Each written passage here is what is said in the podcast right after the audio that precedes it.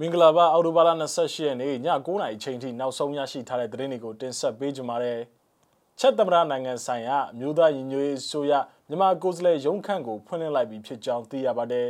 ။တောင်ကြီးမြို့မှာအကြမ်းဖက်စစ်ကောင်စီလက်အောက်ခံစီဗင်သားရညွှန်ကြားရေးမှုနေဘုံဖောက်ခွဲခံခဲ့ရတယ်လို့သိရပါတယ်။စတဲ့သတင်းအကြောင်းအရာတွေကိုသတင်းတောက်ကျွန်တော်ထွန်းထွန်းဝင်းကတင်ဆက်ပေးကြပါမယ်။ ထမဆုံးအနေနဲ့တင်ဆက်ပေးခြင်းတဲ့သတင်းကတော့အမျိုးသားညီညွတ်ရေးအစိုးရ NUG ရဲ့ချက်သမရနိုင်ငံဆိုင်ရာမြန်မာကိုယ်စားလှယ်ရုံးခန်းကိုချက်သမရနိုင်ငံ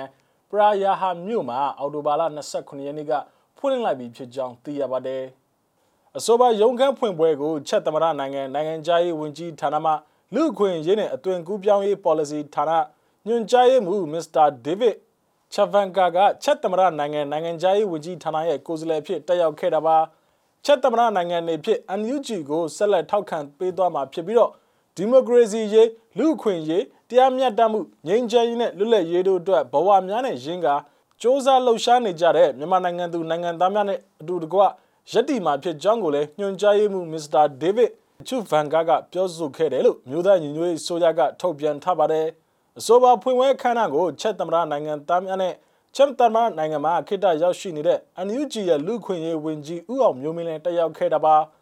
လက်ရှိချိန်မှာတော့အမျိုးသားညီညွတ်ရေးဆိုရရဲ့မြန်မာကိုယ်စားလှယ်ရုံးခန်းများကိုအမေရိကန် UK ဩစတြေးလျပြင်သစ်ချက်နဲ့တောင်ကိုရီးယားနိုင်ငံတို့မှာဖွင့်လှစ်ထားကြောင်းသိရပါတယ်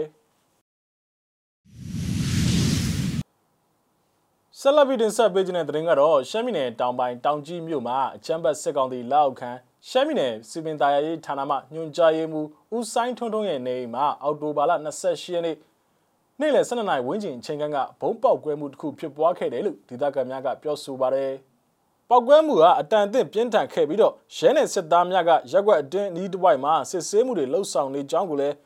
ចောင်းကြီးစုရက်ွက်မှဒေသခံတို့ကဆိုပါတယ်။နေ့လယ်ကဖြစ်တာပါကျွန်တော်တို့နဲ့နည်းနည်းဝေးတဲ့နေရာကတော့ကြားရတာဆိုတော့ပေါက်ကွဲတာပြင်းတယ်လို့ထင်တယ်အသေးစိတ်တော့ဘာမှမသိရသေးဘူး ရဲတွေစစ်သားတွေကတော့လမ်းတော်လမ်းလာတွေကိုပါစစ်ဆေးခဲ့တယ်လို့သူကဆိုပါတယ်။ဦးဆိုင်ထွန်းထွန်းဟာအချမ်းဘတ်စစ်ကောင်စီလက်အောက်ခံဖြစ်ပြီးတော့စီမင်တရားရေးဌာနမှဝန်ထမ်းများကိုသာမကအခြားစီဒီယန်ဝန်ထမ်းများကိုပါချင်းချောက်လေးရှိတယ်လို့နာမည်ကျော်ကြားသူတူလည်းဖြစ်ပါတယ်။နောက်ထပ်တင်ဆက်ပေးခြင်းတဲ့သတင်းကတော့မန္တလေးတိုင်းဒေသကြီးမိထီလာမြို့နယ်မြို့သားဒီမိုကရေစီအဖွဲ့ချုပ် NLD ပါတီဝင် မဲဆန္ဒနယ်အမှတ်1မှတိုင်းဒေသကြီးလွတ်တော်ကိုယ်စားလှယ်ဦးလွင်မောင်မောင်ဟာလူငင်းခွင့်မှာပါဝင်လာတော့လဲမတရားသင်းဆက်သွယ်မှုဖြင့်ပုံမှန်အသစ်ထပ်မံတို့ကတရားစွဲဆိုခံထားရကြောင်းကို၎င်းရဲ့ရင်းနှီးသူမိတ်ဆွေတွေကမြစည်းမသတင်းဌာနကိုပြောဆိုပါတယ်။ဦးလွင်မောင်မောင်ဟာပြီးခဲ့တဲ့အောက်တိုဘာလ18ရက်နေ့ညနေ6နာရီဝန်းကျင်ချိန်ကလူငင်းချမ်းသာခွင့်ဖြင့်ပြန်လည်လွတ်ပေးခဲ့တော့လဲမိထီလာထောင်ဘူးဝရှိမှာပင်လက်ထိတ်ခတ်ပြီးတော့ပြန်လည်ဖမ်းဆီးခြင်းခံခဲ့ရကြောင်းသိရပါတယ်။ အဲ့ဒီနောက်မှာတော့အမှတ်1မြို့နယ်ရဲစခန်းကို၎င်းကိုခေါ်ဆောင်သွားခဲ့ပြီးတော့မတရားသင်းဆက်သွယ်မှုပုံမှန်စက္ကွန်1ဖြစ်စစ်ကောင်စီလောက်ခံအမှတ်3စခန်းမှုမှာတရားလိုလောက်ကထပ်မံတရားစွဲဆိုလိုက်ခြင်းပဲဖြစ်ပါတယ်။သူ့ကိုစာပြီးဖမ်းတာ9-9ကာကြီးနဲ့ဖမ်းတာလူငင်းထဲမှာပါလာပြီးတော့ပြန်ဖမ်းခံရတာအော်တိုဘာလ9ရက်နေ့မှာ CRPH နဲ့ဆက်သွယ်တယ်ဆိုပြီးတော့အမှတ်3စခန်းမှုကတရားလိုပြုလုပ်ပြီးတော့စက္ကွန်1နဲ့ပုံမှန်ထက်တက်တာလူငင်းထဲမှာပါလာပြီးတော့သူ့ကိုလွတ်စေချင်တာ သူ့ကိုလေးလပိုင်းကလေးကဖမ်းသွားတာထောင်ထဲမှာရှိနေတာဘာမှလည်းလုပ်လို့မရတာကိုဒီလိုတရားမစွဲသင့်ဘူးလို့၎င်းရဲ့ဆွေမျိုးနှီးဆက်သူတွေကဆိုပါတယ်မိထီလာအကျဉ်းတော်မှာနိုင်ငံရေးအကျဉ်းသား38ဦးရှိတဲ့အနက်မှာတော့28ဦးကိုအချမ်းဘတ်စစ်ကောင်စီကပြန်လည်လွတ်ပေးခဲ့တော့လဲလူငင်းချမ်းသာခွင့်မှာပါဝင်လာတဲ့ဥလွင်မမောင်အပါဝင် NLD ပါတီဝင်နိုင်ငံရေးအကျဉ်းသား17ဦးကိုအမှတ်1ရဲစခန်းမှာဖမ်းဆီးထားပြီးတော့နိုဝင်ဘာလ2ရက်နေ့မှာတော့တရားရုံးတင်မယ်ဖြစ်ကြောင်းသိရပါတယ်။ ဥပဒေကိုလက်တလုံးချလောက်တာပေါ့အမှုတစ်ခုလွတ်တာနဲ့အသစ်ပုံစံပြန်လောက်တာဥလွင်မမောင်ကိုသူတို့မလွတ်ပေးချင်လို့ဥပဒေနဲ့မညီပဲပုံမှန်တက်တာပါလို့စီဒီအမ်ပြုတ်ထားတဲ့တရားသူကြီးဦးကောင်းမြတ်သူကဆိုပါတယ်ဥလွင်မောင်မောင်ကိုမက်လာတွင်းကမြို့မရဲစခန်းကပုံမှန်905ကာကြီးဖြစ်အမှုဖွင့်လှစ်ခဲ့ပြီးတော့အဲ့ဒီနောက်ပိုင်းမှာတော့၎င်းကတင်းရှောင်နေခဲ့တာပါအဲ့ဒီနောက်မှာတော့၎င်းရဲ့ဇနီးနဲ့ကလေးဖြစ်သူတို့မှရောက်ခမနေအိမ်တို့သွားနေစဉ်မှာ၎င်းရဲ့နေအိမ်မှာ တူးတဲ့ကြံရှိခဲ့တဲ့မိခင်ထံသို့ခိတ္တပြန်လာတဲ့အချိန်မှာအကြမ်းဖက်စစ်ကောင်စီတပ်သားများကပြီးခဲ့တဲ့ဧပြီလ28ရက်နေ့ည9:00နာရီအချိန်ကဖမ်းဆီးပြီးတော့မိထီလာထောင်ကိုပို့ဆောင်လိုက်ခြင်းဖြစ်ကြောင်းသိရပါတယ်။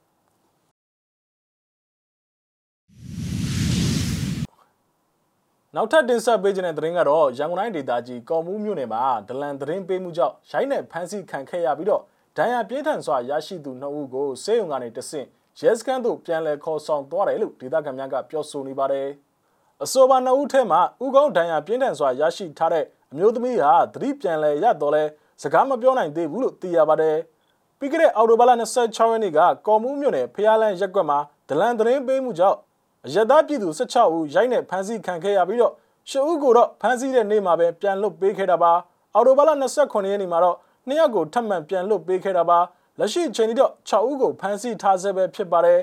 ယခုအခါမှာတော့ဒဏ်ရာပြင်းထန်စွာရရှိထားပြီးတော့ရဲစခန်းပြန်ခေါ်ခံရသူ2ဦးကဆိုပါ6ဦးထဲမှာဖြစ်ပြီးတော့စစ်ကူတမှုခံယူနေရသူများလည်းဖြစ်ပါတယ်ဒဏ်ရာပြင်းထန်တဲ့3ယောက်မှာအမျိုးသမီး1ယောက်နဲ့အမျိုးသား1ယောက်ကိုမနေ့ကဆေးရုံကနေရဲစခန်းပြန်ခေါ်သွားတယ်လို့သိရတယ်ရဲစခန်းပြန်ခေါ်သွားတဲ့အမျိုးသမီးကလည်းရိုက်နှိတ်ခံထားရတာကြောင့်တကိုယ်လုံးမှာဒဏ်ရာတွေရထားတယ်အထီတော်မခံနိုင်ဘူးလို့လည်းသိရတယ်လက်လဲကျိုးသွားတယ် စစ်ကူတာခွင့်ဆက်မပေးပဲရဲစခန်းကိုပြန်ခေါ်သွားတာလို့ကော်မှုဒေသခံတို့ကဆိုပါတယ်။ဥကောင်းဒဏ်ရာပြင်းထန်စွာရရှိထားတဲ့မျိုးသမီးဟာအော်တိုဘာလ29ရက်နေ့ညနေပိုင်းချိန်ကတတိပြန်လည်ရရှိတော်လဲမျက်လုံးများရောင်ကိုင်းနေပြီးတော့စကားပြောဆိုနိုင်ခြင်းမရှိသေးဘူးလို့သိရပါတယ်။ရိုင်းနဲ့ဖမ်းဆီးခံရတဲ့အချိန်မှာခေါင်းထိသွားတာဆိုတော့ဒဏ်ရာကတော်တော်ပြင်းထန်တယ်။ငွေကြေးအခက်ခဲကြောင့်ကြိုက်တော်ဆေးရုံမှာပဲဆက်ကူတာနေတာမနေ့ကညနေပိုင်းမှာတတိပြန်ရလာတယ်။ဒါပေမဲ့ဘာသာစအန်တယ် ခေါင်းကဒဏ်ရာအပြင်မျက်နှာနဲ့ကြောကုန်းမှာလည်းညိုမဲနေတယ်စကားလည်းမပြောနိုင်သေးဘူးလို့ဥကောင်းဒဏ်ရာပြင်းထန်စွာရရှိထားတဲ့မျိုးသမီးမိသားစုနဲ့နှိစက်သူတူကဆိုပါတယ်ပြီးခဲ့တဲ့အော်တိုဘာလ25ရက်နေ့ညပိုင်းချိန်ကကော်မှုမြို့နယ်ဖျားလန်းရက်ကွက်မှာရှိတဲ့ဒလန်ဆိုသူလင်မယားကိုအဖွဲ့တစ်ဖွဲ့ကလာရောက်တုတ်တင်ရမှဆိုပါလင်မယားကအော်ဟစ်အကူအညီတောင်းခံမှုဟာအနီးပတ်ဝန်းကျင်မှာလူများကအကူအညီမပေးခဲ့ဘူးလို့ဒေသခံတူကဆိုပါတယ်အဲ့ဒီအတွက်အဆိုပါလင်မယားကစစ်တပ်ကိုခေါ်ပြီးတော့ ဆန္ဒပြပွဲများမှာပါဝင်ခဲ့သူများရဲ့အိမ်များကိုညွှန်ပြကာဖမ်းဆီးခိုင်းခဲ့ကြောင်းကိုဖျားလန်းရက်ကွက်အတွင်းမှာရှိတဲ့ပြည်သူ16ဦးကယခုကဲ့သို့ရိုင်းနဲ့ဖမ်းဆီးခြင်းခံခဲ့ရခြင်းဖြစ်တယ်လို့ဒေသခံတို့ကရှင်းပြပါတယ်ဆလဗီဒင်ဆပ်ပေးခြင်းတဲ့သတင်းကတော့ပြည်ကြီးတကွန်တပိတ်စစ်ကြောင်းဟာမြန်မာပြည်ကယ်တင်ရေးစစ်ကောင်စီကိုငွေမပေးဆိုတဲ့လှုပ်ရှားမှုနဲ့အတူဒီကနေ့အောက်တိုဘာလ28ရက်နေ့ညနေပိုင်းအချိန်ကမန္တလေးမြို့တနေရာမှာ အကြမ်းဖက်စစ်ကောင်စီအလုံးမရှိကြောင်းကိုဆန္ဒပြခဲ့ကြပါတယ်ဆန္ဒပြဗီဒီယိုဖိုင်ကိုကြည့်ရှုရအောင်ပါညီရလိုက်ညီရညီရ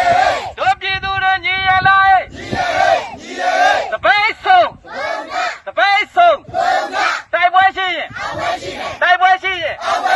တိုက်ပွဲရှိရင်ဖက်စစ်စစ်တပ်အမြင့်ဖြတ်ဖက်စစ်စစ်တပ်အမြင့်ဖြတ်ဖက်စစ်စစ်တပ်အမြင့်ဖြတ်ဖက်စစ်စစ်တပ်အမြင့်ဖြတ်တော့အောင်ချုပ်ခွင့်မရသေးရတော့အောင်ချုပ်ခွင့်မရသေးရတော့အောင်ချုပ်ခွင့်မရသေးရတပိတ်တပိတ်တပိတ်တပိတ်အရေးတော်ဘုံအရေးတော်ဘုံအရေး နောက်ဆုံးနေ့နဲ့တင်ဆက်ပေးခြင်းတဲ့သတင်းကတော့ပြည်သူနဲ့လက်တွဲရေပပွဲဖက်စစ်တပ်ကိုအမုံဆွဲဆိုတဲ့ခေါင်းစဉ်ဖြင့် Autobus ပြည်သူ့အကျိုးပြုလူငယ်အဖွဲ့အစည်းကဥဆောင်ကတက္ကသကျောင်းသားများ LGBTQ တပိတ်စစ်ကျောင်းနဲ့အတူမြို့နယ်ပေါင်းစုံတပိတ်စစ်ကျောင်းများမှလူငယ်များကမိတို့များကင်ဆောင်ပြီးတော့ဒီကနေ့အော်တိုဘာလ28ရက်နေ့ညပိုင်းချိန်ကရန်ကုန်မြို့တနေရာမှာအကြမ်းဖက်စစ်ကောင်စီအလို့မရှိကျောင်းကိုလမ်းလျှောက်ချီတက်ဆန္ဒပြခဲ့ကြပါတယ်ဆန္ဒပြဗီဒီယိုဖိုင်ကိုကြည့်ရှုရအောင်ပါ Hak edeceğim millet! Vallahi!